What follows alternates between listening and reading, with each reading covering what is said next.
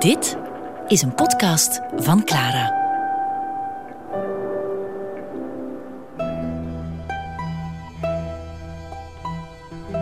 Venetia met Serge Simonaar.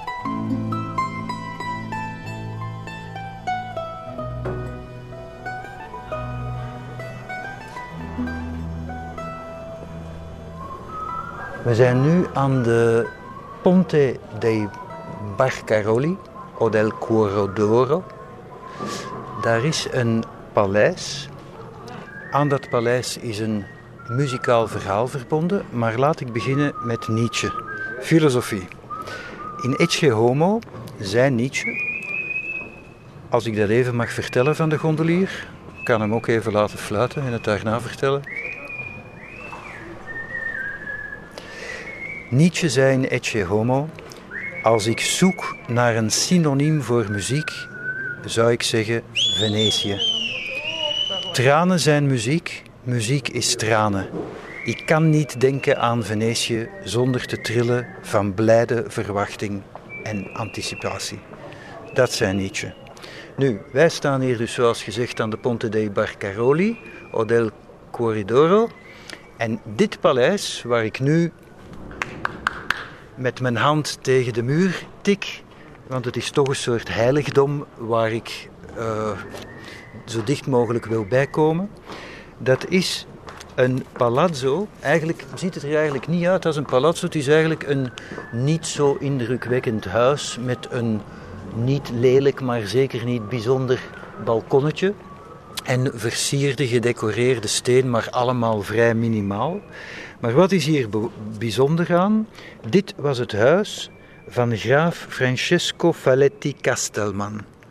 En in 1771 is hier een goede vriend en idool van ons, die hier van zijn vader moest verblijven, moest, maandenlang, omdat zijn vader wou dat hij zich, dat zijn zoon, zoontje, zich helemaal onderdompelde in de Venetiaanse cultuur. Nu, enerzijds had papa Mozart, want daar hebben we het over, het huis en de eigenaar niet slechter kunnen kiezen, want graaf Francesco Faletti Castelman was een, hoe druk ik dat bleef uit, um, overspelige, frauduleuze, bleef er kan ik niet, avonturier die een zeer slechte invloed was op de kleine Amadeus. Maar anderzijds is het ook wel fantastisch dat, en je, je kan zoiets niet bewijzen, maar als je de levensloop, en ik heb die bekeken, de levensloop van Faletti Castelman bekijkt, dan zijn daar echt enorm veel overeenkomsten met ene Don Giovanni. Dus het is in dit huis, gok ik, Um, dat Mozart de inspiratie heeft opgedaan voor Don Giovanni. Nu weet ik ook wel dat Mozart niet zelf het libretto schreef en dat er ook andere invloeden zijn. En dat Ponte zou hebben meegewerkt aan het libretto van, van Don Giovanni en misschien zelfs Casanova. En overigens, ik heb uh, toevallig vorige week nog een heel uitgebreide en uitstekende documentaire bekeken op uh, France 2, de Franse tv over Casanova, waarin eindelijk definitief werd bewezen, wat, wat 200 jaar lang is betwist, dat Casanova wel degelijk heeft meegewerkt aan het libretto van Don Giovanni. Omdat ze hebben twee stukjes partituur ontdekt waarin in het handschrift, en ik, ik ken het handschrift van Casanova zeer goed, dat is een zeer duidelijk apart handschrift. Je, je ziet, hij heeft zijn memoires handgeschreven in het Frans. Dat zijn exact dezelfde letters, dat kan je niet faken. We hebben het hier niet over de geveinsde dagboeken van Hitler. Dit is echt zeker dat er op twee bladzijden van de partituur in het handschrift van Casanova suggesties en verbeteringen zijn. Nu moet ik er meteen bij zeggen, geen van de suggesties van Casanova is weerhouden in het eindresultaat. Dus we kunnen niet bewijzen dat Casanova een hand heeft gehad in het eindresultaat. Maar hoe dan ook, hier staan we aan het huis van Francesco Faletti Castelman. En dat was iemand die um, ettelijke minaressen heeft gehad, uh, knoeide met zaken, heel opportunistisch was en laten we zeggen een networker avant la lettre. En ik stel mij hier recht, ik, ik, ik vind dat zo prachtig om hier te staan. het idee dat de kleine Amadeus Mozart hier dus echt maandenlang heeft verbleven en al dat gedoe, dat frauduleuze, overspelige gedoe aan zijn ogen heeft zien voorbijgaan. En tegelijk werd afgebeuld door zijn vader, uh, die altijd vond dat het niet snel genoeg ging en dat het nooit goed genoeg was.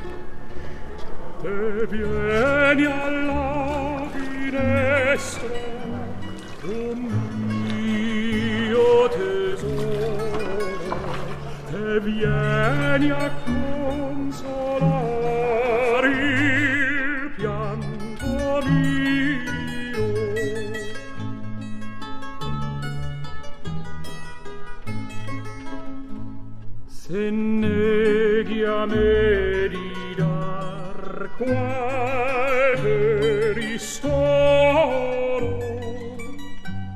davanti agli occhi tuoi morir voglio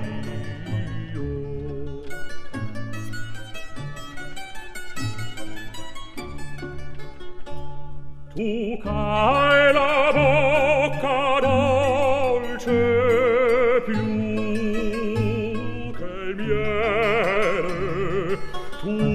che il zucchero porti in mezzo il cuore.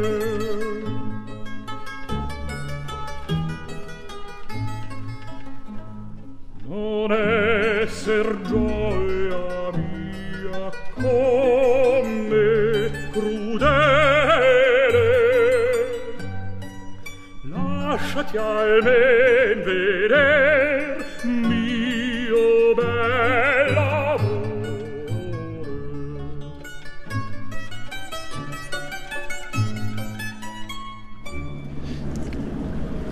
Het schiet me nu te binnen. Het is in het archief van Praag dat onlangs twee handgeschreven scènes, twee stukken partituur zijn gevonden van het libretto van Don Giovanni van Mozart in het handschrift van Casanova die dus het bewijs leveren dat hij er wel degelijk uh, aan meewerkte. Dus wie aan mijn woorden twijfelt, ga naar het archief in Praag. Nu, Amadeus Mozart heeft ook verbleven in de Campiello del Piovan, dat is achter ons, dat is ongeveer 300 meter meer naar links. Um, dat is een klein, ook onmogelijk huisje achter de kerk, achter San Giovanni in Bragora. Uh, voor de nerds en de Mozart-fanaten op nummer Castello 3762. Maar eigenlijk vind ik het ook typerend dat er bijna niets geweten is over wat Mozart dan heeft gedaan in Venetië, behalve werken. Dus er zijn twee mogelijkheden. Ofwel heeft hij helemaal niks gedaan behalve werken en heeft zijn vader hem nog meer afgebeuld dan wij al dachten. Ofwel zijn er dingen te verbergen. Maar geen van beide opties kan ik bewijzen.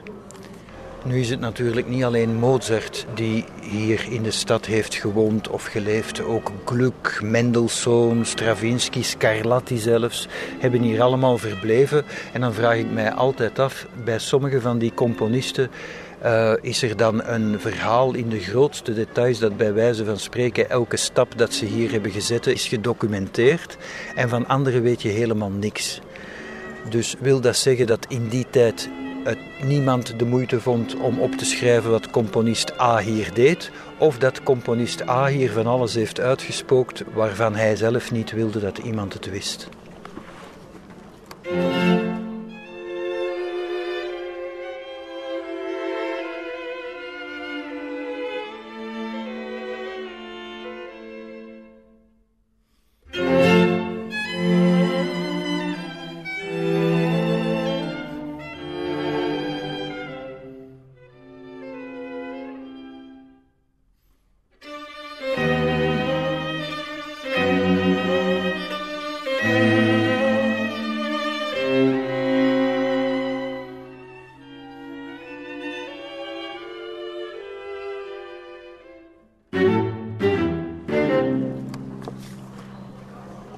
Maar ook Giuseppe Verdi heeft een hechte band met, of had een hechte band met Venetië.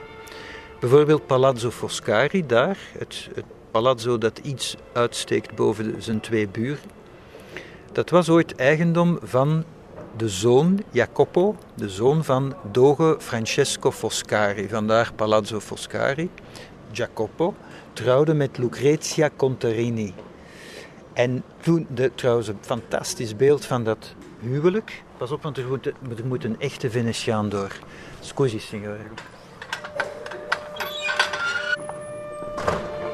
Um, Jacopo, zoon van doge Francesco Foscari, trouwde dus met Lucrezia Contarini. En er is een prachtig beeld van dat huwelijksfeest. Je moet je, moet je voorstellen, uh, de Bucintoro, de, de boot, de gouden, het gouden uh, elite schip, het officiële schip van de Doge, de Bucintoro. Ik heb het één keer zien varen. Het staat opgesteld in het Arsenala, in, in, het, uh, in een opslagplaats. Um, het is trouwens een kopie, want de echte Bucintoro van voor, laten we zeggen, 1800 is vernietigd door Napoleon, typisch Napoleon. Hij wou alle uiterlijke tekenen van het bewind voor hem uitwissen. En dat is echt tragisch, want dat is een echt, het is een heel protserig schip, eigenlijk volledig in goud, heel overladen, maar echt uniek. Nu, je moet je voorstellen, toen Foscari trouwde met Lucrezia Contarini, legde de boek in Toro hier aan, waar we nu staan, met 150 adellijke vrouwen aan boord. Je moet je voorstellen hoe, hoe die hier afstijgen. En van alle kinderen die de doge bij twee vrouwen had, tenminste de officiële kinderen, want dogen konden er ook wat van, laat ons zeggen. Alle kinderen die de doge bij zijn twee officiële vrouwen had, overleefde enkel Jacopo, zijn oogappel. Nu, Jacopo ging het eigenlijk niet zo goed eerst. Hij werd beschuldigd van fraude, corruptie, steekpenningen. Het kon niet op. Hij werd verbannen zelfs naar Treviso. En nog later werd Jacopo zelfs verdacht van de moord op Ernolao Donato. En hij werd opnieuw verbannen naar Creta. Je moet je voorstellen, toen was die man nog maar 25. Dus al beschuldigd van fraude en corruptie en twee keer verbannen naar twee verschillende plaatsen. Eerst Treviso, dan Creta, allemaal voor je 25ste. Daarna, het zal u verrassen, werd Jacopo nogmaals beschuldigd van verraad, want hij zou gehuld hebben met de Turken en hij werd veroordeeld tot een jaar gevangenis. En de toenmalige doge zei: Een jaar is zo om, draag je straf als een man. Waarop Jacopo stierf. Nu, zijn vader, doge Francesco Foscari, die ondertussen, want Jacopo was een nakomertje, die was toen 84, de doge, die was ontroostbaar, want hij wou streng zijn en, en rechtvaardig tegenover uh, de burgers door zijn zoon te straffen zoals hem toekwam. Maar hij was ontroostbaar toen, toen Jacopo stierf. Werd dan ook nog eens afgezet. Kan je dat voorstellen? Al wat ik net gezegd heb binnen één adellijke familie in Venetië op vijf jaar tijd. En nu, waarom vertel ik dat allemaal? Omdat Lord Byron, George Lord Byron, schreef het toneelstuk The Two Foscari hierover. En dat toneelstuk was op zijn beurt de basis voor Verdi's Il Due Foscari.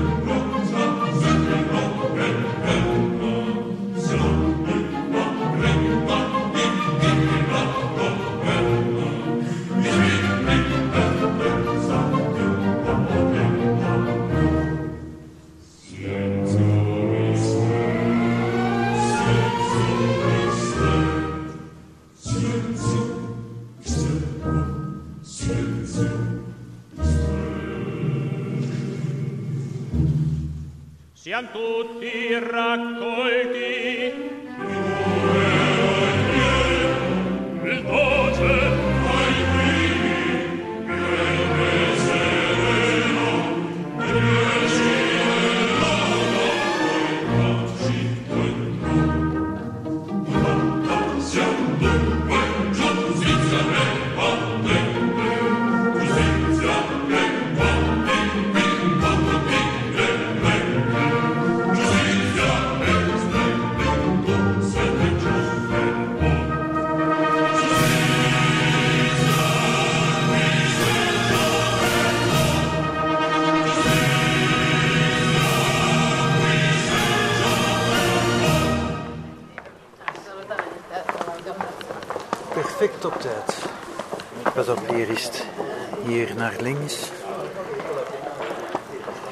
zo weggestoken in een hoek. Je moet eens kijken.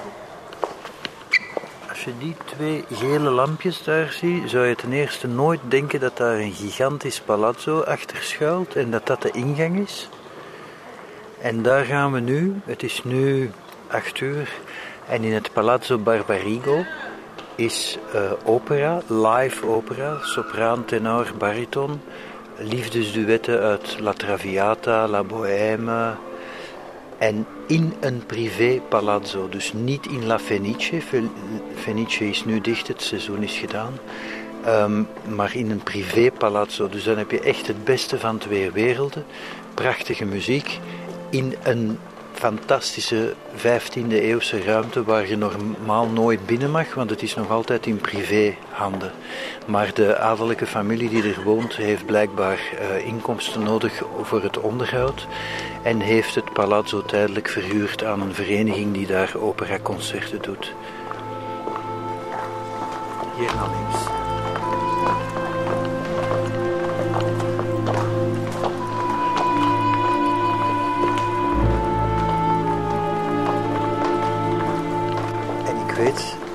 Weet dat het een cliché is, Venice by night, maar het fantastische aan Venetië s'avonds, na de schemering, is dat je dan nog meer het gevoel hebt dat je in de 17e of 18e eeuw wandelt, want alles wat modern is, is verduisterd en alles is mysterieus.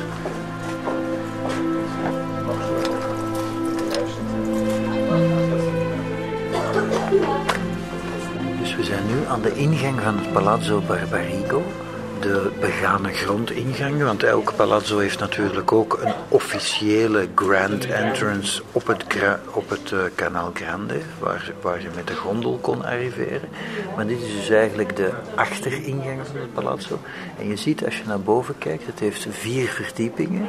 En de vierde verdieping raakt bijna het huis aan de overkant. Dit steegje is maar een meter breed en je ziet dat het aan de vierde verdieping ter hoogte van het dak minder dan een meter breed is. Dus ook dit palazzo helt een beetje over en het huis aan de linkerkant helt ook over. En we gaan nu naar de hal waar aan de achterkant de gondels binnenvoeren. Want in sommige palazzi kan de gondel echt binnenvaren tot op het gelijkvloers, tot aan, bij wijze van spreken, de trap om naar de living te gaan.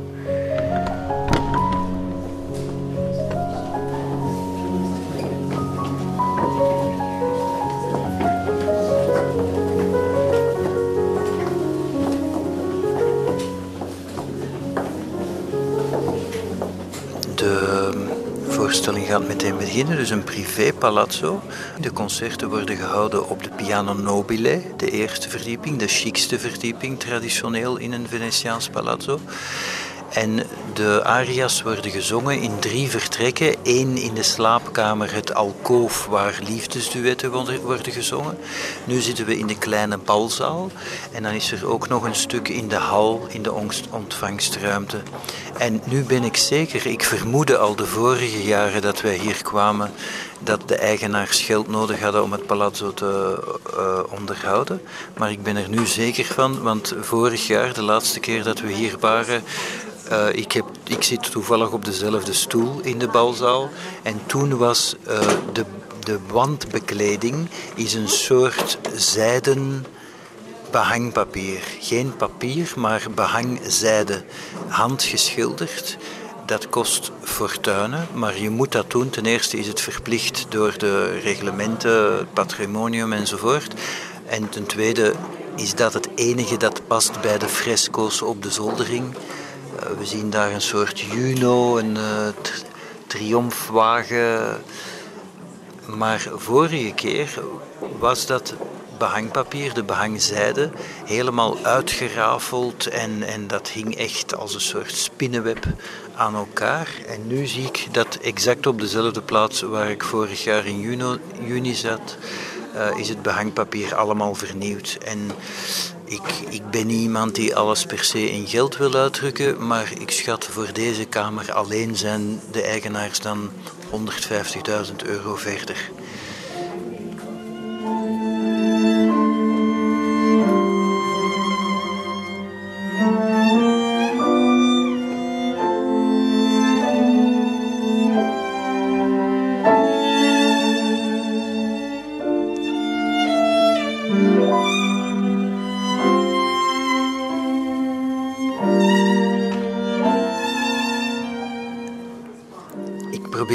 Altijd zoveel mogelijk te komen omdat ik een, uh, een beetje paranoïde ben. Mijn motto in het leven is altijd als je ergens niet binnen mag, moet je er zoveel mogelijk binnen geraken voor je er definitief niet meer binnen mag. En dat geldt voor mij zowel voor uh, een verborgen vrijmetselaarsloge in een Londens hotel als voor een toren waar je niet op mag. Uh, ik heb ooit heel opportunistisch uh, voor Humo de Bijaardier van Antwerpen geïnterviewd, alleen maar omdat ik eens tot de absolute top van de kathedraal wou geraken, waar je normaal niet op mag. En in dit Palazzo Barbarigo, privé dus, uh, probeer ik zoveel mogelijk te komen. En vanavond, het programma verandert ook. Vanavond zijn het duetti d'amore, liefdesduetten. Een aantal dingen die mij iets minder bevallen, zoals Cavalleria Rusticana. Daar ben ik niet zo'n fan van. Puccini, dat mag je tegenwoordig van de postmoderne brigade niet meer goed vinden, maar ik vind Puccini nog altijd de absolute meester. Zeker qua melodie, qua subtiel drama. Nu, dit soort privéconcerten zijn ook vaak, um, hoe zal ik zeggen, een excuus voor zangers op hun retour om nog wat graantjes mee te pikken. Of studenten die nog niet de maturiteit hebben van een volleerd zanger. Maar meestal is de kwaliteit hier echt uitstekend. En mijn theorie is, omdat uh, iedereen die dit talent bezint in Venetië, kan eigenlijk nergens terecht. Zelfs niet in La Fenice, want in La Fenice hebben ze dan weer dat snobisme dat wij thuis ook hebben in België. In België vinden wij bijvoorbeeld dat een prestigieus gebouw per se gebouwd moet worden door een buitenlands architect, want anders is het niet prestigieus genoeg. En hier denken ze in La Fenice een beetje gelijkaardig. Een toprol moet gezongen worden, liefst door een Duitse, Zwitserse of Amerikaanse topster en niet door mensen uit eigen land of eigen streek, want dan is het een beetje te gewoontjes. En daar profiteren wij vanavond mee van.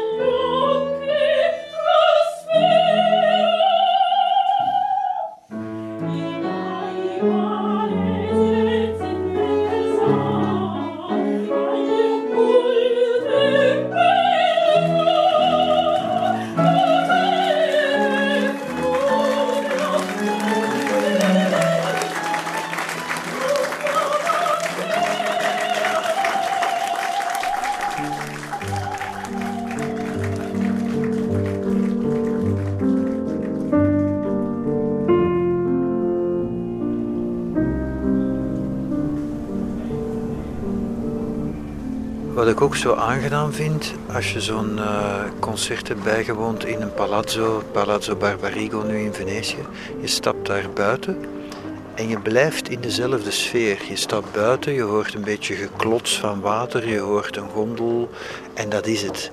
Als je bij ons in de Munt iets prachtig hebt gezien of in de Vlaamse opera, je stapt buiten, dan heb je verkeer, lawaai, file, geklaksoneer. Hier blijf je in exact dezelfde sfeer. En ik ken eigenlijk geen enkele andere plaats waar. Ik ben ooit eens... Eh, er is een prachtig hotel uh, aan het uh, Gardameer. Dat heet de Villa Feltrinelli. Een tip voor de klare luisteraars als ze bereid zijn om te sparen of zeer veel geld hebben. En ehm, de Villa Feltrinelli in Gardone, daar kan je tijdens het operaseizoen met het privéjachtje varen, dus het is aan het Gardameer, maar je kan met hun privéjacht varen tot in Milaan voor La Scala. Dus je kan in Milaan naar de opera, naar La Scala en dan dezelfde avond, nacht, terugkomen op het dode gemakje met het privéjachtje tot aan je villa in Gardone aan het, aan het Gardameer.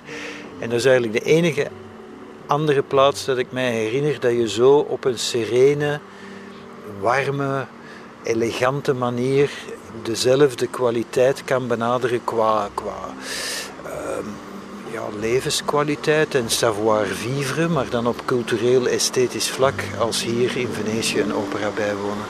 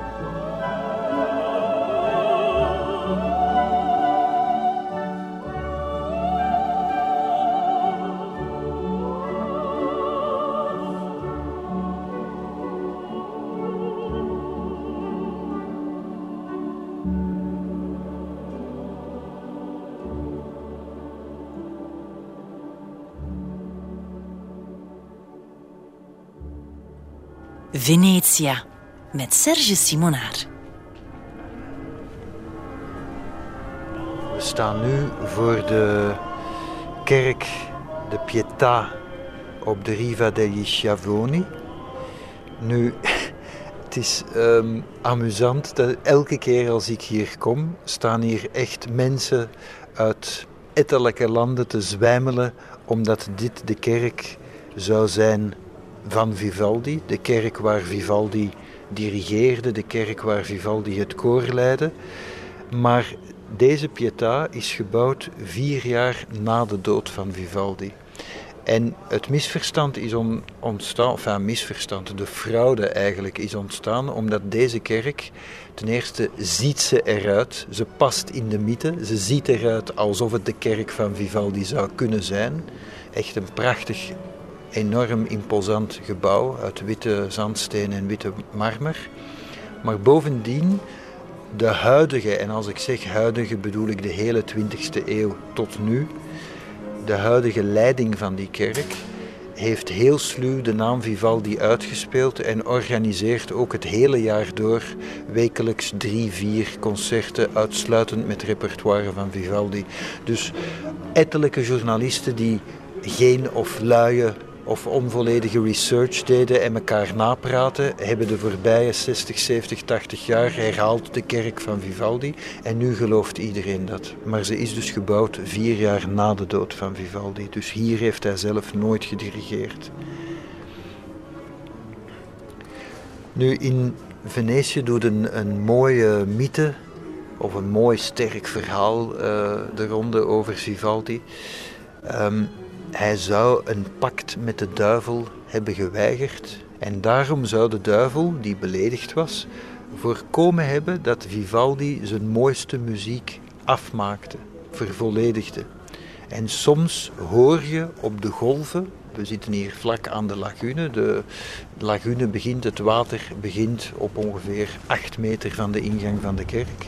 En soms zou je op de golven nog flarden van noten van die unvolende te horen.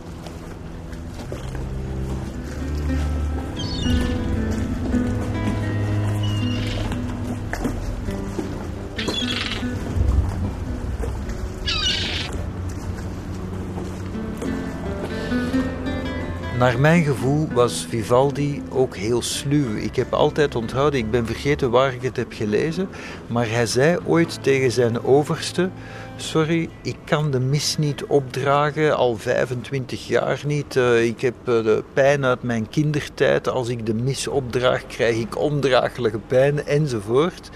Die pikte dat, die liepen daarin. En ik denk dat daardoor Vivaldi altijd zeeën van tijd heeft overgehouden, terwijl hij eigenlijk een fulltime job had. Zeeën van tijd heeft overgehouden uh, voor het uh, componeren van zijn werken, doordat hij zich eigenlijk ontrok aan zijn job. Uh, ondraaglijke pijn als de mis moest opdragen, ja, ja, het zal wel. Wat ook wel hallucinant was, dit is ook de plek, schiet me nu te binnen, waar ik, wanneer was dat? Eind jaren 80 denk ik, of midden jaren 80, heb ik hier een concert gezien van de popgroep Pink Floyd. Die op een drijvend podium een concert gaven. Uh, nu, Pink Floyd is op hun beste momenten de betere popmuziek, maar het was toch hallucinant om hier een Pink Floyd concert te zien, als je beseft dat die in hun show ook uh, lasers gebruikten en ontploffingen en surround sound en alle snufjes van de 20e, 21e eeuw. Stel je voor dat een Vivaldi via een teletijdmachine zou getransporteerd zijn naar de Riva dei Schiavioni van wat was het, 1986 of zoiets, en deze show zou gezien hebben. Ik vraag mij altijd af, het is een beetje een te makkelijke opmerking om te maken van what if, wat als, wat als mijn tante een oom was en vice versa. Maar toch, je kan je dat niet voorstellen hoe die gereageerd zouden hebben. En er is een, een, een school die dan zegt van ja, maar als Mozart nu geleefd zou hebben, dan zou hij ook synthesizers gebruikt hebben of drumstellen enzovoort. Ik vind dat altijd een beetje een te makkelijke redenering. Ik geloof daar niet in dat Mozart of Bach, als ze nu geleefd zouden hebben, drums en elektrische gitaren gebruikt zouden hebben. Ik, ik, ik denk het niet. Mijn gevoel zegt nee. Overigens, ik weet ook nog dat toen met dat concert van Pink Floyd er enorme rellen zijn geweest. Niet letterlijk, geen opstootjes, geen vechtpartijen, maar rellen daarna, omdat een aantal klassieke concerten die op dezelfde dag hier in de buurt werden gehouden, natuurlijk vloekte met, met het uh, lawaai van die popmuziek. En het was ook zo, ik heb een deel van dat concert meegemaakt op het water. We hadden een uh, gondel gehuurd, maar ja, je kan geen gondel, gondel huren voor drie uur, dat kost een fortuin. Dus ik heb ook een deel meegemaakt hier voor de kerk van de Pietà. En dan hoorde je echt hoe de klassieke muziek zich vermengde met de popmuziek. Dat was precies of een of andere duivel had een soort perverse mengvorm van de twee gemaakt. Heel graag om te horen.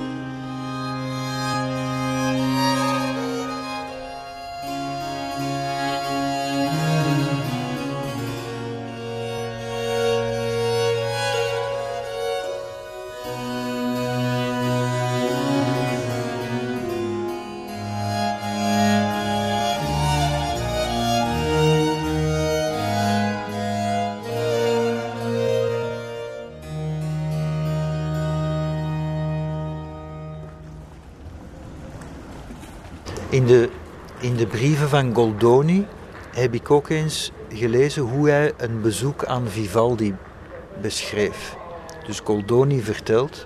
Ik trof Vivaldi aan, omringd door ettelijke manuscripten, zijn brevier in de hand. Hij sloeg snel een ruw kruis en legde zijn brevier neer, klaar om zaken te doen. Dat ene zinnetje zegt zoveel. Ik, ik geloof niet dat dat toeval was. Kijk, ik trof Vivaldi aan, omringd door ettelijke manuscripten, geloofwaardig, zijn brevier in de hand. Heeft iemand zelfs in die tijd, zelfs een gelovig iemand die een job had in de kerk, had hij een brevier in zijn hand terwijl hij zijn manuscripten, zijn partituren was aan het schrijven? Ik geloof dat niet. Hij had zijn brevier in de hand genomen om een goede indruk te maken, omdat hij niet wist wie er binnenkwam. Het was Goldoni, maar het hadden de kerkvaders kunnen zijn. Hij sloeg snel een ruw kruis en legde zijn brevier neer, klaar om zaken te doen. Dat zegt alles, klaar om zaken te doen. Ik zie daarin, Vivaldi was een pragmatisch man, een sluw man en bovendien een handige zakenman. Wat, wat ik niet erg vind, maar dat leid ik af uit die brief. Goldoni zegt ook nog, Vivaldi pochte dat hij sneller een concerto met alle partijen kan componeren dan een kopiist het kan noteren. En wat ik ook mooi vind, ik heb ooit in ehm, de, de, hoe noem je dat, de bibliotheek of de archieven van Turijn Uh, nog niet zo lang geleden trouwens. Daar is, ik, ik, ben het vergeten, maar nog niet zo lang geleden, neem nu 10, 15 jaar geleden, is daar nog een uh, manuscript, een aantal partituren van uh, Vivaldi ontdekt. Die heb ik gezien en dan zie je een paar dingen die ik mij herinner. Ten eerste dat die manuscripten heel precies waren genoteerd. Echt een heel um, stevig uh, vast omlijnd, sterk, zonder twijfel handschrift. En toch zijn het de originele, dus de eerste pro probeersels. Dus ik, geloof zijn pochen dat hij dat zo snel kon, want je ziet dat het heel precies is gedaan, maar je ziet ook waar hij fouten driftig uitkrapt, herhalingen of uh, asymmetrische gedeeltes of onvolkomenheden. En ik herinner me ook dat op één manuscript stond, ik denk gericht aan een of andere opdrachtgever of aan de kerk of een mecenas, ik weet het niet, stond. Um, ik ben de formulering vergeten, maar het kwam erop neer dat hij zei van als, ze, als dit hen niet bevalt, dan weet ik het ook niet meer. Letterlijk, in die bewoordingen. Het, het wordt trouwens ook bevestigd, het snelle tempo waaraan Vivaldi werkte, wordt trouwens ook bevestigd door ene Tito Manlio. Ik weet niet wie het is, maar ik heb daar een fragment van gelezen van, van zijn beschrijving van Vivaldi. En hij zegt: Musica del Vivaldi, fata en cinque gigni. Fata en cinque gigni, dus een concerto af op vijf dagen tijd. Er was ook iemand, ik, ben ook, ik, heb een geheugen als een zeef, maar ik, ik, ben, ik weet niet meer waar ik het vandaan heb, maar ik herinner het mij zeer, zeer goed. Iemand beschrijft wat er gebeurt met het publiek dat mag komen luisteren naar de repetities van Vivaldi. En die man beschreef uh, natuurlijk voor de hand liggend hoe de meisjes staan achter zo van die grilles als bescherming, omdat ze niet misbruikt zouden worden of zouden vluchten of uh, wat dan ook. Dus ze staan achter zo'n soort uh, metalen rooster, zoals hier, die een traliewerk, laat ons zeggen. De meisjes staan achter de grilles. Hij beschrijft hoe, en ik citeer, of uh, ik ben de formulering alweer vergeten, maar ik citeer vrij, hoe volwassen mannen stonden te wenen dat zegt iets over. Kijk, ik, ik heb ook al gehuild als, als bij een of andere opera of concert een prachtige passage en ik ben in een emotionele bui of gewoon moe of, of ontroerd. Maar in die tijd dat de volwassen mannen daar en masse stonden te huilen tijdens de repetities nogmaals, nog maar, dat zegt iets. Er werd ook nooit geapplaudisseerd. Ik, ik wist dat niet, er werd nooit geapplaudisseerd. En er waren ook mannen die kwamen met huwelijksaanzoeken voor de jonge zangeres van hun keuze tijdens de repetities. Dus je moet je voorstellen hoe Vivaldi zich blauw geërgerd moet hebben aan... Sommige mannen kwamen voor de muziek, maar er was ook een ander soort man dat eigenlijk al aan het kiezen was van hmm, misschien de derde van links. En wat ook weinig geweten is, dat heb ik ook zelf pas onlangs gelezen, dat wij stellen ons de weeskinderen. Er wordt altijd gezegd de weeskinderen in het koor van Vivaldi of de weesmeisjes. Maar in werkelijkheid bleven sommige van die weesmeisjes tot hun tot hoge ouderdom zingen in dat koor. Dus je moet je dat koor niet voorstellen als alleen maar uh, meisjes van 10 jaar of pubermeisjes of wat dan ook. Daar waren vrouwen bij van 40, 50, 60, wat in die tijd stokoud was. En een van de mensen uh, die kwam kijken was Jean-Jacques Rousseau. En die heeft in een van zijn brieven of in een van zijn dagboeken gezegd: Ik kan niets in deze wereld bedenken zo ontroerend en zo voluptueus als deze muziek.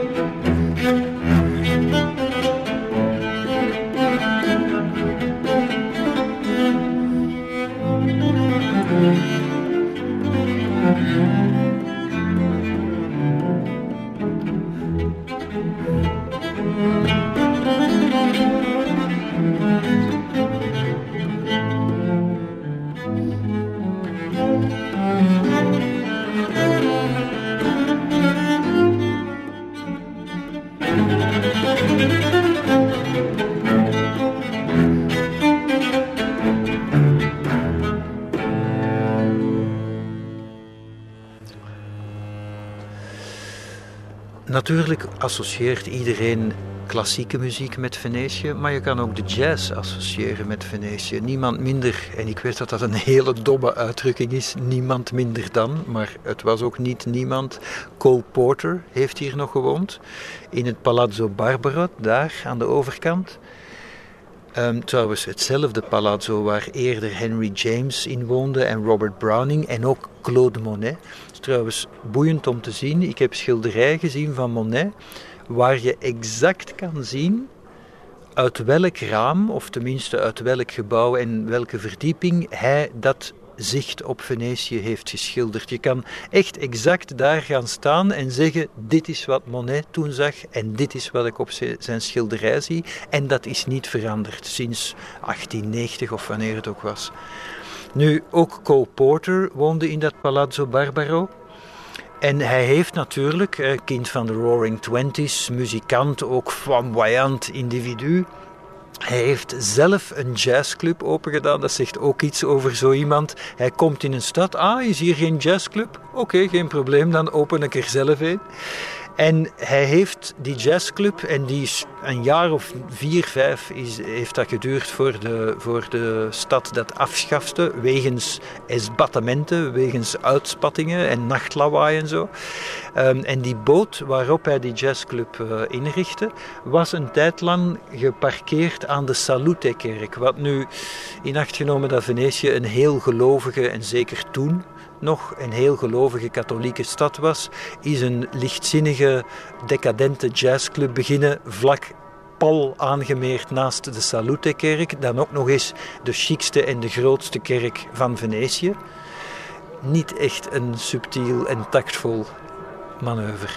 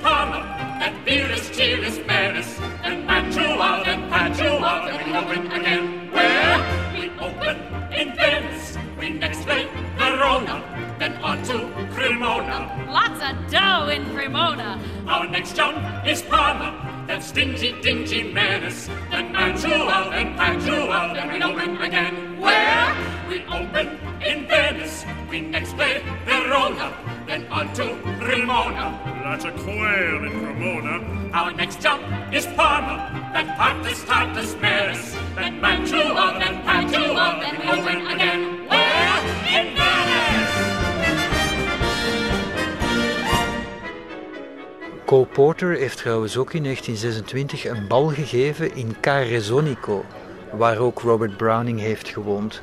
En je moet je dat voorstellen, in een 15e eeuws palazzo organiseert Cole Porter, eigenlijk de koning van de, van de jazz-era, van de Roaring Twenties, een decadent bal in de jaren 20. Dat contrast Art Deco en jaren 20 en de muziek van Cole Porter in die context en dat decor met, met stucco en fresco's uit de 15e, 16e eeuw, dat, dat, dat is een van de bals. Er zijn drie bals die ik graag zou bijgewoon hebben uit de wereldgeschiedenis. Eén is het Black and White Ball in New York, gegeven door Truman Capote in de jaren 50, denk ik, of begin 60, waar uh, iedereen, anyone who's anyone, was, was daar van de Amerikaanse beau monde. Want mij, mij interesseert niet zozeer het elitaire of het snobistische, maar zo het tijdsbeeld. Dat je daar echt, het, het, de kern van, de tijd van die tijd zit daarin.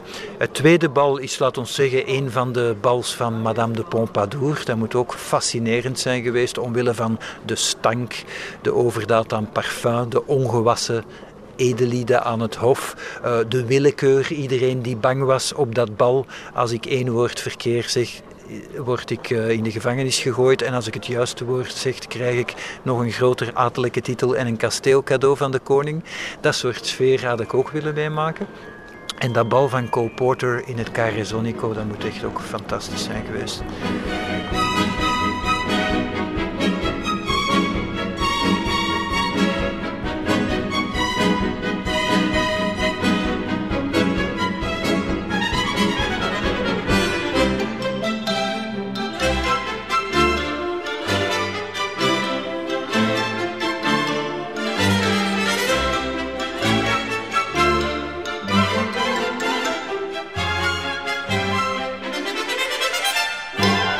Venetia met Serge Simonaar. In questo palagio l'ultimo spiro di Riccardo Wagner odono le anime perpetuarsi come la morea che lambe in marmi. Een inscriptie die je hier ziet op deze plak, op dit bord. Um, het is een gedicht van Gabriele D'Annunzio. Vrij vertaald, in dit paleis horen de zielen de laatste adem van Richard Wagner, die eeuwig heen en weer echoot als het tij dat tegen het marmer van de fundamenten klotst, laat ons zeggen. Ik denk vaak aan Wagner en ik luister trouwens ook vaak naar Wagner met de koptelefoon. Als ik in Hotel Danieli ben, waar hij vaak kwam, ook in Hotel de l'Europe.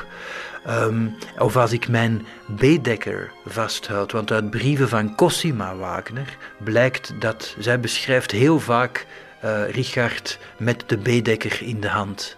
En, en dan denk ik ook vaak romantisch van misschien wel het exemplaar dat ik nu vasthoud.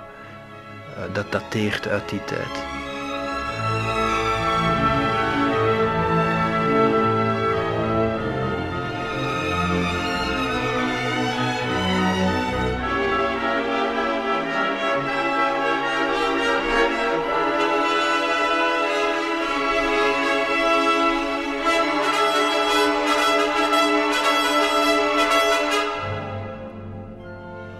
Iedereen heeft het er altijd maar over dat Richard Wagner stierf in Venetië, maar er was veel meer dan dat. Richard Wagner heeft vijf, zes reizen gemaakt naar Venetië, heeft ook jarenlang in Venetië gewoond.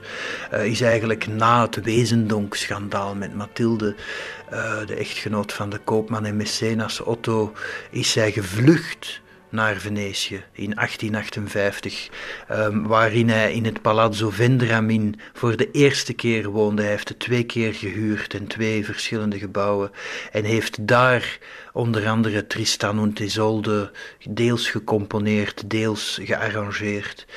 En ik heb een, uh, een boek dat elke stap van Wagner in Venetië heeft vastgelegd in woord en beeld. Ik heb ook zijn brieven gelezen en daar lees je echt ontroerende dingen. In Wagner staat ook zo'n beetje bekend, onterecht vind ik, als een beetje half revolutionair in zijn jongere jaren, ook een beetje een stuurse asociale man in later jaren, wat ik ook altijd een onzinnig verwijt vind, want als je niet asociaal bent als kunstenaar, uh, wanneer vind je dan de tijd om met, met een hoop kinderen in huis al die prachtige opera's te schrijven? Maar als je die brieven leest, hier, hier is een fragment, luister, kijk. Aangezien ik in mijn leven nooit het geluk van de liefde heb mogen proeven, wat een ongelooflijke zin in mijn ogen voor iemand die meerdere minaressen heeft gehad en meerdere mooie vrouwen tot de zijne heeft mogen maken en ook huwelijk, noem maar op. En toch zegt hij, aangezien ik in mijn leven nooit het geluk van de liefde heb mogen proeven, wil ik voor de mooiste van mijn dromen een gedenkteken oprichten, waarin deze liefde van begin tot eind volledig tot bloei kan komen. En dat werd Tristan und Isolde.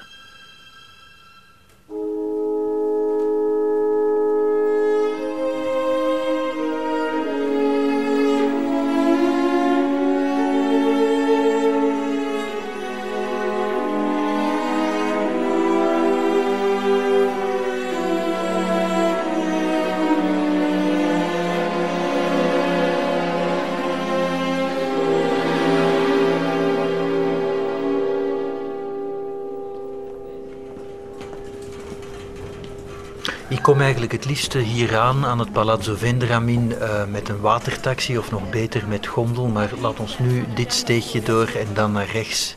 En dan kunnen we de, de landingang gebruiken. Die eigenlijk toen gold als uh, achteringang. En eigenlijk ook ingang voor het plebs, voor de leveranciers, laat ons zeggen. De tradesman's entrance, zoals de Engelsen zo mooi zeggen.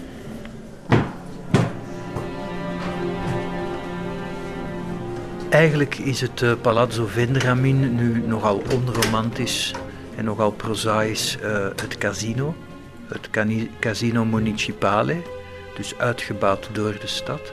Maar er zijn een paar kamers apart gehouden die worden beheerd door de Cercle Wagner. En die kamers zijn nog vrij authentiek, zijn helaas ook gerenoveerd, maar wel ongeveer zoals het was in de tijd dat Wagner... Uh, hier woonde en stierf.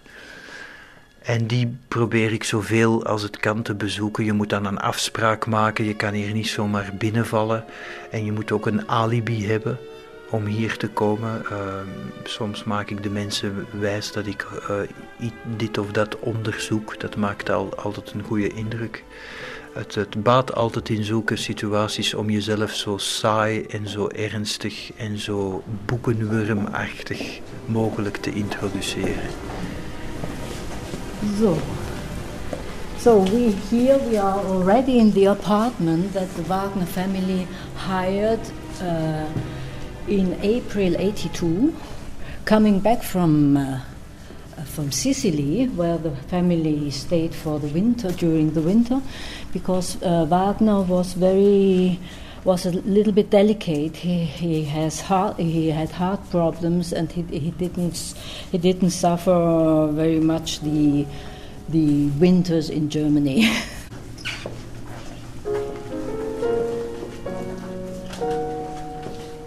Nu, ik wil ook nog wel iets zeggen eigenlijk over uh, Mathilde Wezendonk, omdat zij, um, ze wordt altijd zo neergezet als ja, de, de minares van Wagner, punt uit. Uh, de muze van Wagner in het beste geval. Nu, Mathilde Wezendonk was een schrijfster. Geen, geen heel populaire schrijfster, geen heel beroemde of zelfs goede schrijfster, maar wel een gepubliceerde auteur en ook een dichteres. Laat ons niet vergeten, dat wordt ook altijd vergeten. Um, de Wezendonklieder zijn niet zomaar opgedragen aan Mathilde, dat is op basis van haar gedichten. Uh, dus niet zomaar een vrouw. Uh, ik heb trouwens nog een prachtig boekje hier, je moet eens kijken. Dit, dit is, ze schreef ook kinderboeken, dit is een van haar kinderboekjes. Heel mooi uitgevoerd, Märchen und Märchenspielen uh, voor kinderen. Um, ik vind het een beetje ontluisterend om hier, hier nu te lopen door die banale kantoren. Um, En, en dan te denken, ook aan de verwarming, dat is iets. Ik, ik kijk nu toevallig naar de verwarming, het is radio, dus ik vermeld het er even bij. Dit palazzo was ongeveer het enige dat in die tijd verwarmd was. Met toen en we spreken nu over 1860, 70, 80, uh, met toen moderne verwarming. Dat is heel belangrijk, want vergeet niet om te beginnen was Wagner, zoals trouwens Queen Victoria in een van haar dagboeken beschrijft, want Wagner uh, trad ook, of speelde ooit voor Queen Victoria en die hield een minutieus dagboek bij. En ze, als ik het mij goed herinner, omschrijft ze Wagner als klein, wat heel veelzeggend is, want Queen Victoria was zelf zeer klein. Dus Wagner was nog kleiner dan Queen Victoria. Um, klein, uh, met, gebrild, wat ook typisch is, want ik, ik geloof niet dat er ook maar één portret of foto bestaat van Wagner met bril. Die zette hij altijd uit ijdelheid af voor de foto. Dus Queen Victoria zegt met bril. Uh, een heel hoog voorhoofd, dat weten we. Een uh, gekromde bek noemt ze zijn neus en een vooruitstekende kin, dat klopt ook. Maar dus verwarming was heel belangrijk voor hem. Uh, hij was ten eerste vaak ziek. En ten tweede, met verkleumde vingers piano spelen is ook geen pretje. Uh, dus dat was cruciaal.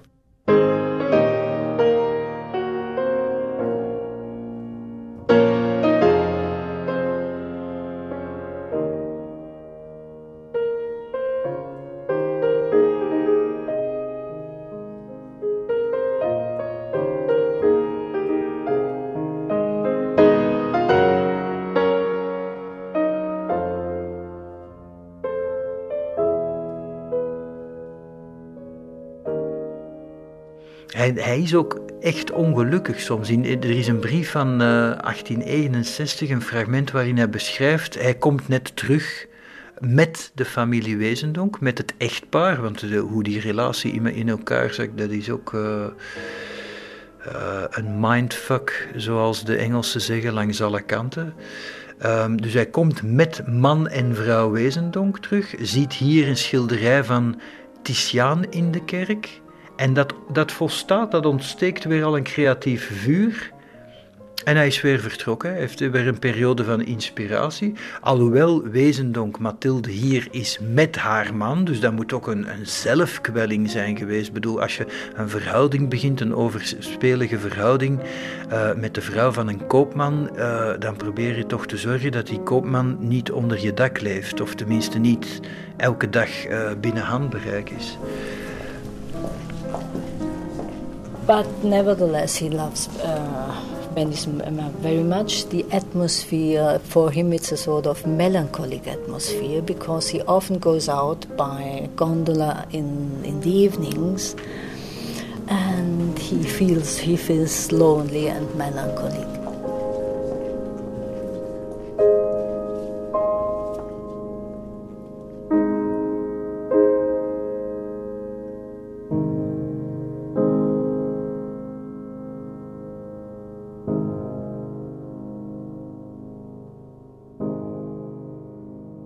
Wat mij enorm voor Wagner inneemt, is dat hij zich ook in brieven afzet tegen de toen al commercialisering van de stad en van de burgers en van het sociale verkeer. Hij zegt letterlijk in een brief: Wat mij zo bevalt, is dat er en dat zegt ook iets over het Venetië van die tijd. Wat mij zo bevalt, is het ontbreken van enige welstand in Venetië.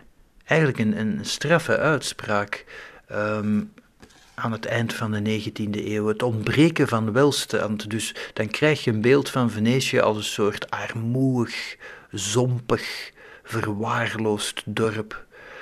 Um, en waarom beviel Wagner dat?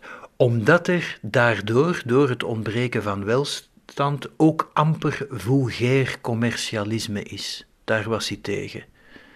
Ik sluit me daar helemaal bij aan. Hij zegt ook: Venetië is heel ver verwijderd van de moderne tijd. Dat is ook iets dat wij altijd vergeten. Wij denken, als we het over de moderne tijd hebben, aan onze tijd. Maar Wagner praat in 1870 in termen van moderne tijd over Venetië. Niets staat hier in direct contact met het moderne leven Alles is hier in harmonie met mijn verlangen naar eenzaamheid. Ik zal hier blijven. Alsof hij het vervoelde dat, er niet, dat hij er niet alleen zou blijven, maar ook zou sterven. Ik zal hier blijven. Wagner zegt trouwens, en nog iets wat ik belangrijk vind, ik vind als je brieven leest van iemand, moet je je altijd voor ogen houden in welke levensfase hij zich of hij of zij zich bevond. En in 1858, 59, vergeet niet, dan, dan verblijft Wagner hier zeven maanden. Dus niet als toerist, maar echt wonen. Toen was hij 45 jaar en toen schrijft hij: Ik word naar Venetië getrokken door een zucht en een sterk verlangen naar rust en afzondering. Grootsheid, schoonheid en decadentie, het troost mij te zien dat hier geen merkbare moderniteit te zien is. Ik voel mij alleen en ben blij alleen, dolend door dit enorme, kille palazzo. Het is net wat ik nodig had. En zelfs het stinkende Grand Kanaal heeft een weldoend effect op mijn gemoed. Het typeert Wagner trouwens ook dat hij, zo blijkt uit zijn brieven en ook uit de dagboeken van Cosima, hij verlaat enkel het Palazzo Mocenigo om te gaan dineren. Hij stapt hier buiten, meestal rond vijf uur, maakt een korte wandeling, gaat dan naar Piazza San Marco en komt rond negen uur s'avonds per gondel terug naar huis. Ik ben hier een paar keer geweest in het Palazzo Vendramin en ik heb één keer exact dat parcours overgedaan. Om vijf uur hier buiten gestapt, richting Piazza San Marco, iets gedronken, rondgewandeld en rond 21 uur, 9 uur s'avonds in een gondel terug mij laten roeien naar het Palazzo Vendramin. Met Wagner op de koptelefoon.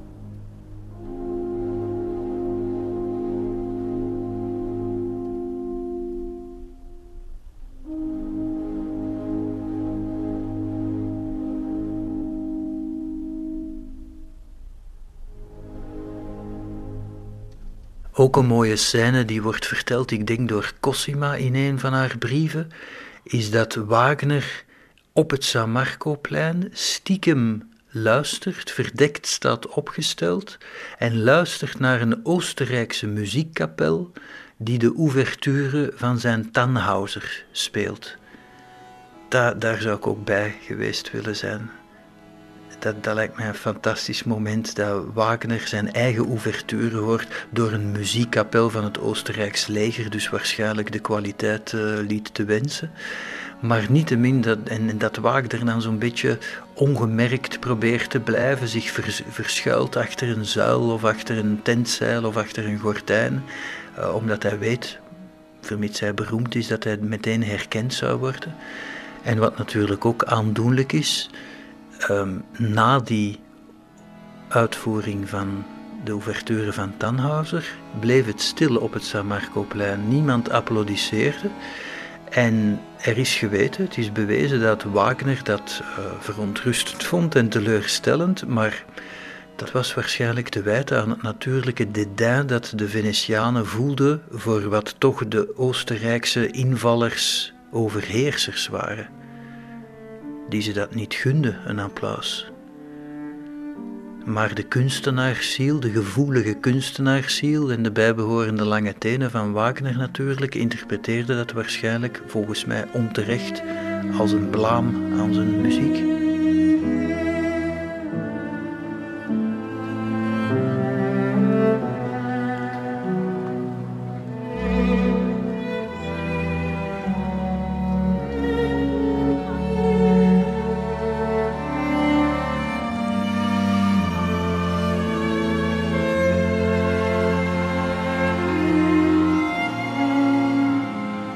Rare is trouwens dat je van de Oostenrijkse bezetting in Venetië heel verschillende uh, berichten hoort. Ik, ik heb geschiedenisboeken daarover gelezen, ook brieven, dagboeken, uh, biografieën.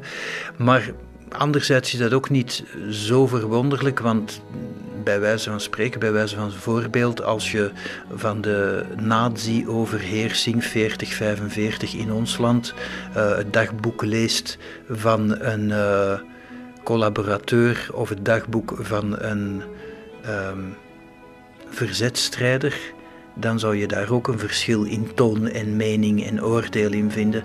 Maar in Venetië was het heel opvallend dat de welgestelde welopgevoede, uh, gestudeerde mensen, dat merk je uit brieven, zeker van uh, Engelse intelligentsia, zoals de Ruskins, uh, die vonden die Oostenrijkers uh, geen enkel probleem. Die hulden daar ook meer mee. Die gingen mee naar bals van Oostenrijkers dan naar bals van Venetianen, omdat Oostenrijk in die tijd zeker zo stond voor orde, structuur, zekerheid, beschaving. Uh, net zoals ik hier in heel mijn kindertijd en jeugd heb ik horen vertellen door oudere mensen dat de Duitsers heel beleefd waren.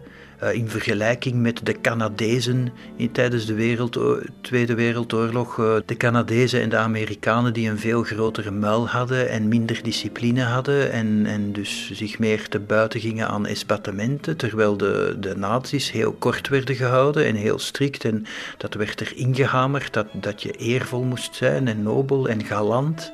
En ik heb dat honderden keren gehoord van uh, ja, de nazi's verschrikkelijk, maar die Duitsers uh, die waren wel wel opgevoed. En ik denk dat dat het effect was met de Oostenrijkse overheersing in Venetië. Ook de, Duits, de, de Oostenrijkers die zorgden voor orde en beschaving en die waren galant.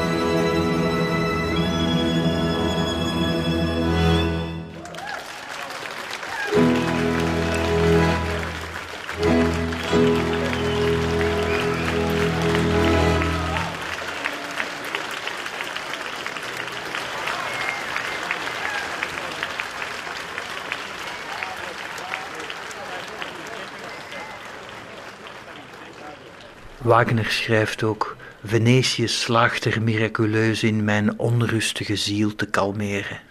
Venetië ontketent een melancholische betovering in mij. S'avonds in een gondel op weg naar het Lido zie ik de maan en meen ik een melancholische viool te horen. Ik voel een grote behoefte om zelf een artificieel bestaan te scheppen, opdat ik niet geconfronteerd word met de banaliteit van het echte leven.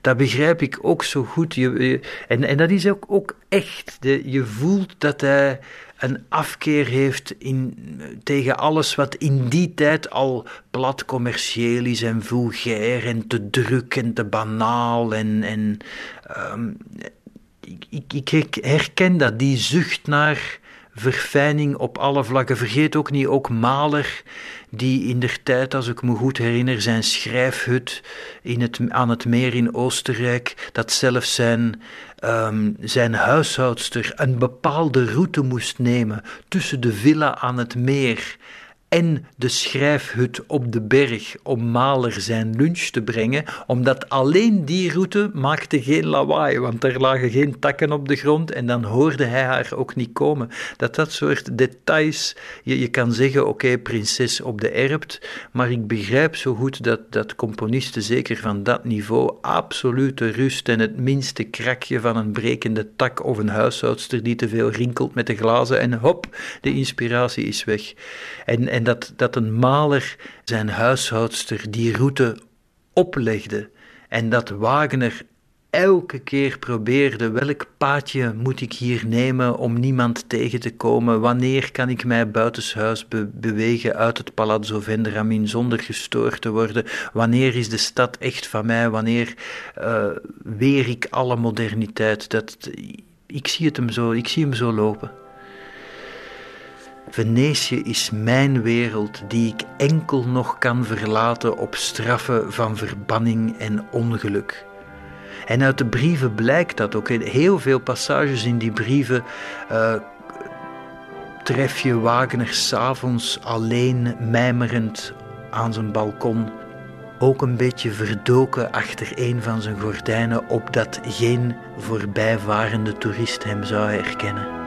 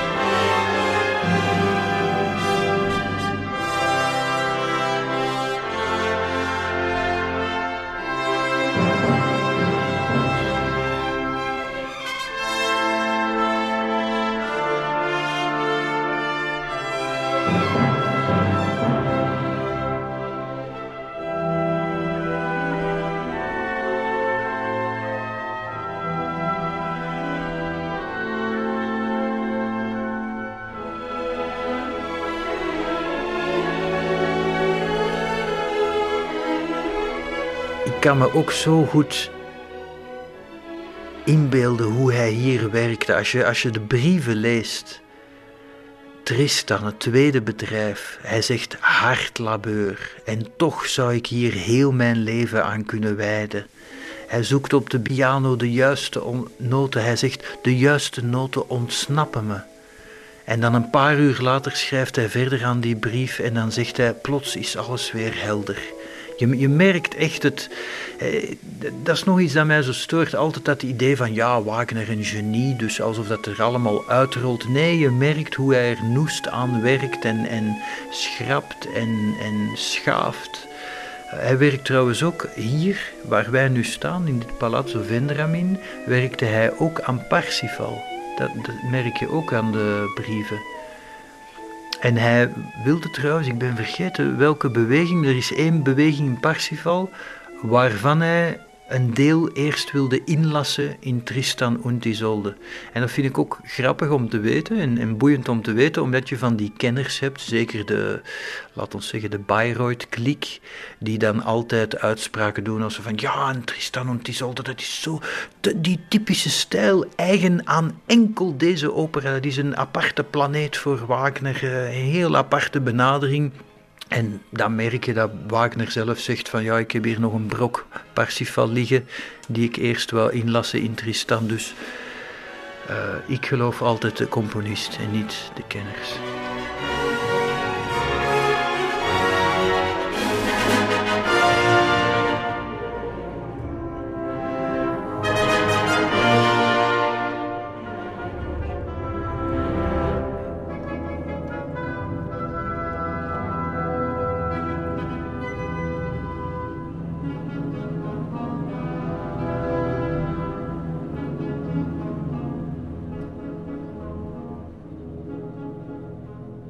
De eeuwen heen, lang voor Wagner, zijn hier in dit Palazzo Vendramin in Calergi nog een aantal frappante zaken gebeurd. Um, en niet toevallig waar ik nu sta, letterlijk in deze kamer, in deze hoek van de kamer, is in 1681 de moord op Francesco Querini Stampalia gepleegd door de erven van Marina Calergi.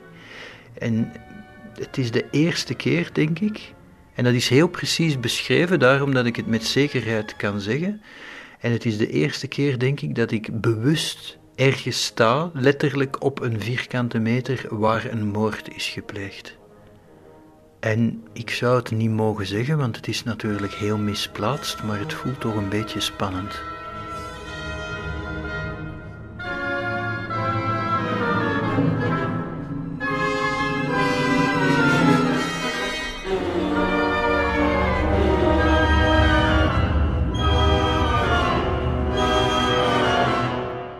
Waar wij nu rondlopen, heeft de Duchesse de Berry rondgelopen. Uh, de Comtesse de Chambord, die hebben hier ook nog gewoond. Dat kan je je ook niet meer voorstellen. Je moet het ik, ik, hoor, ik hoor bijna het geritsel van de Japonnen die hier door de gangen lopen op de mezzanine.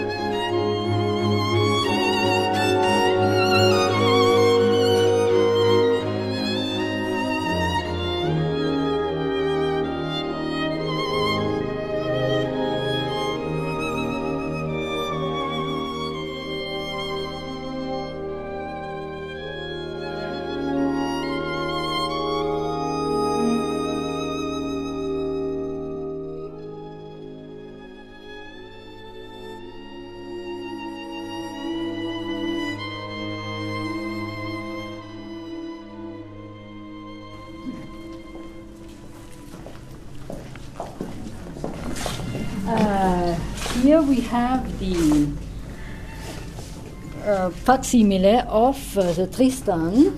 And here we see uh, the date, um, Venice, 18th of March, uh, 59, and the signature of Richard Wagner on the left, on the left uh, folio. Uit de brieven van Wagner leer je dat Wagner op een bepaald moment heel laat s'avonds terugkwam, ik geloof van La Fenice of anders van San Marco. En hij hoort in een achteraf kanaaltje um, geluiden en iemand zingen en dan wordt het weer stil. En dan zegt zijn eigen gondelier, die dus achter hem staat, de gondelier staat altijd achter jou, uh, als, tenminste als de gondel naar voren vaart. En achter zich hoort Wagner de stem van zijn eigen gondelier, die gewoon zegt: Venetia. En die melancholie in die stem, misschien zeg ik het helemaal verkeerd, maar Wagner vertelt zelf in zijn brieven dat de melancholie in die stem en de, de, de tonen, de timbre daarvan en de sfeer van die nacht hem hebben geïnspireerd voor Tristan und Isolde.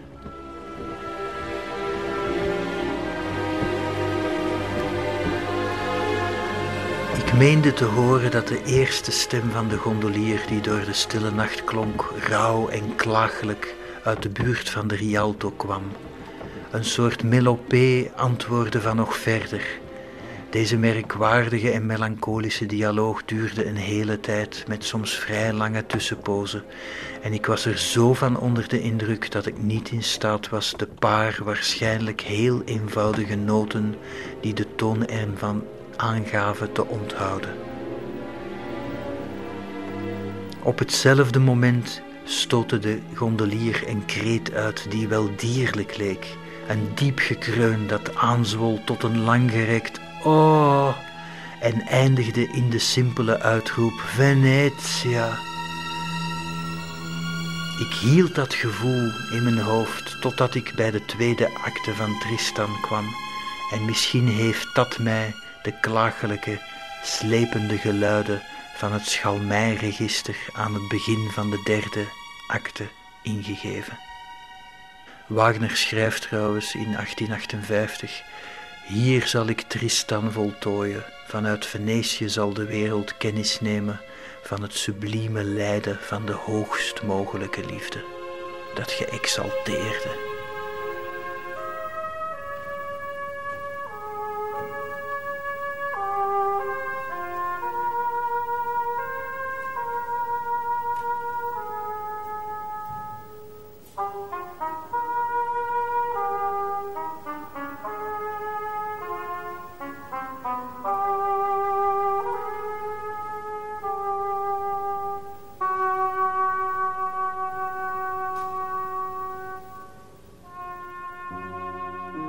Een scène die ik ook had willen bijwonen was het bezoek van schoonvader, laat ons dat niet vergeten, Liszt, in hier in het Palazzo Vendramin in Calerchi met vrouw en kinderen, um, die Wagner kwam bezoeken.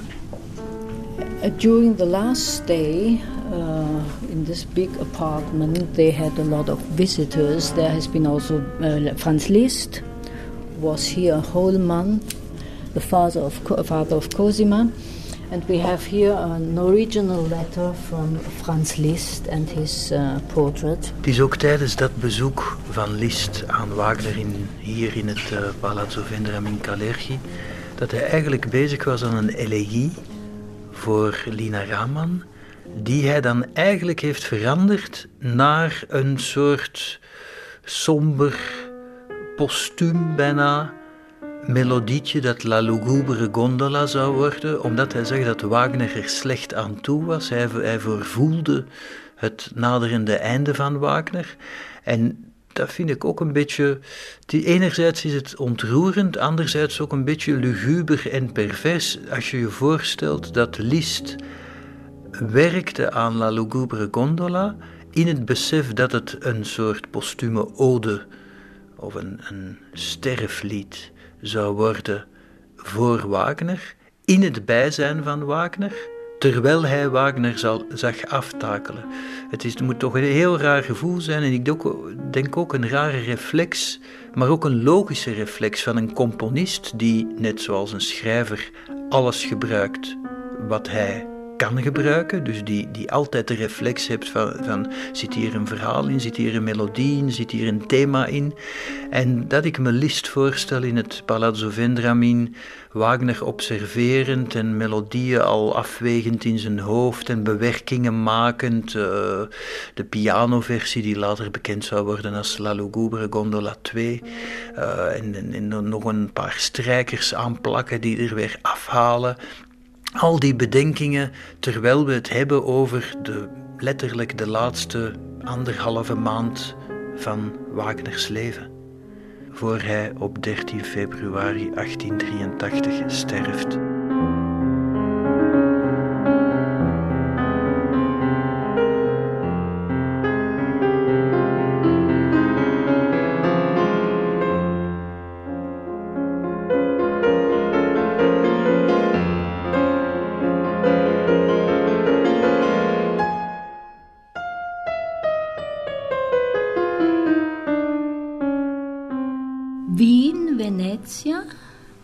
Der Meister ist heute um 4 Uhr entschlafen, Jukowski. Jukowski has been the painter, a friend of Richard Wagner, who stayed uh, in the palace Vendramin when Wagner died.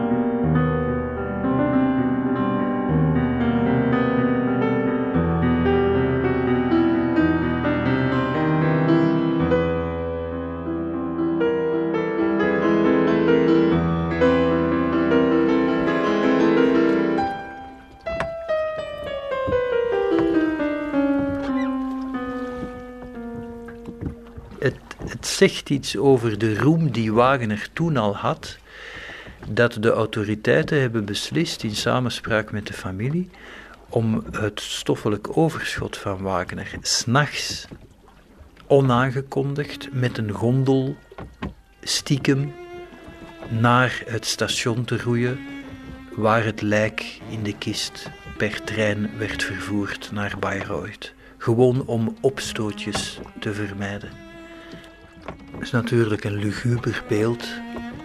Het lijk van Wagner. Mij doet het denken aan het beeld van de Styx. De, de bootsman die over de rivier Styx de overledenen naar, het, naar de onderwereld brengt.